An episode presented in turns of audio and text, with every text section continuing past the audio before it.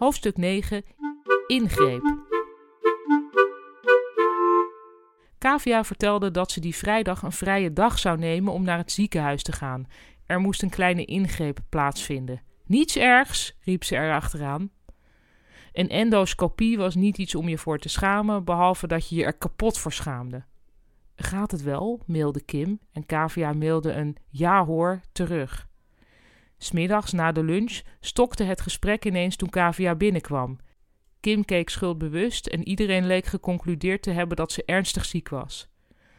Zoiets kon je irritant vinden, maar Kavia besloot voor de verandering dat het glas half vol was en de sympathie die haar ten deel viel ten volste uit te buiten. Er werden bonbons gehaald en echt lekkere koffie van het koffietentje om de hoek. Zo werd het ineens een gezellige middag, tot Stella begon over haar tante die een ziekenhuisbacterie had gekregen en toen binnen 65 uur was overleden. Je loopt gezond een ziekenhuis in en je wordt horizontaal weer uitgedragen, concludeerde Stella. Door één streptokok. Ze merkte niet dat iedereen haar priemend aankeek. Op vrijdag liep Kavia door de kou van de bushalte naar het ziekenhuis. Het begon zachtjes te sneeuwen. Wat als ze zelf ook een streptokok zou aantrekken? Dat kon best. Muggen hadden het ook altijd op haar voorzien. Kavia probeerde het leven, nu ze het nog had, wat meer te waarderen. Dat lukte maar matig.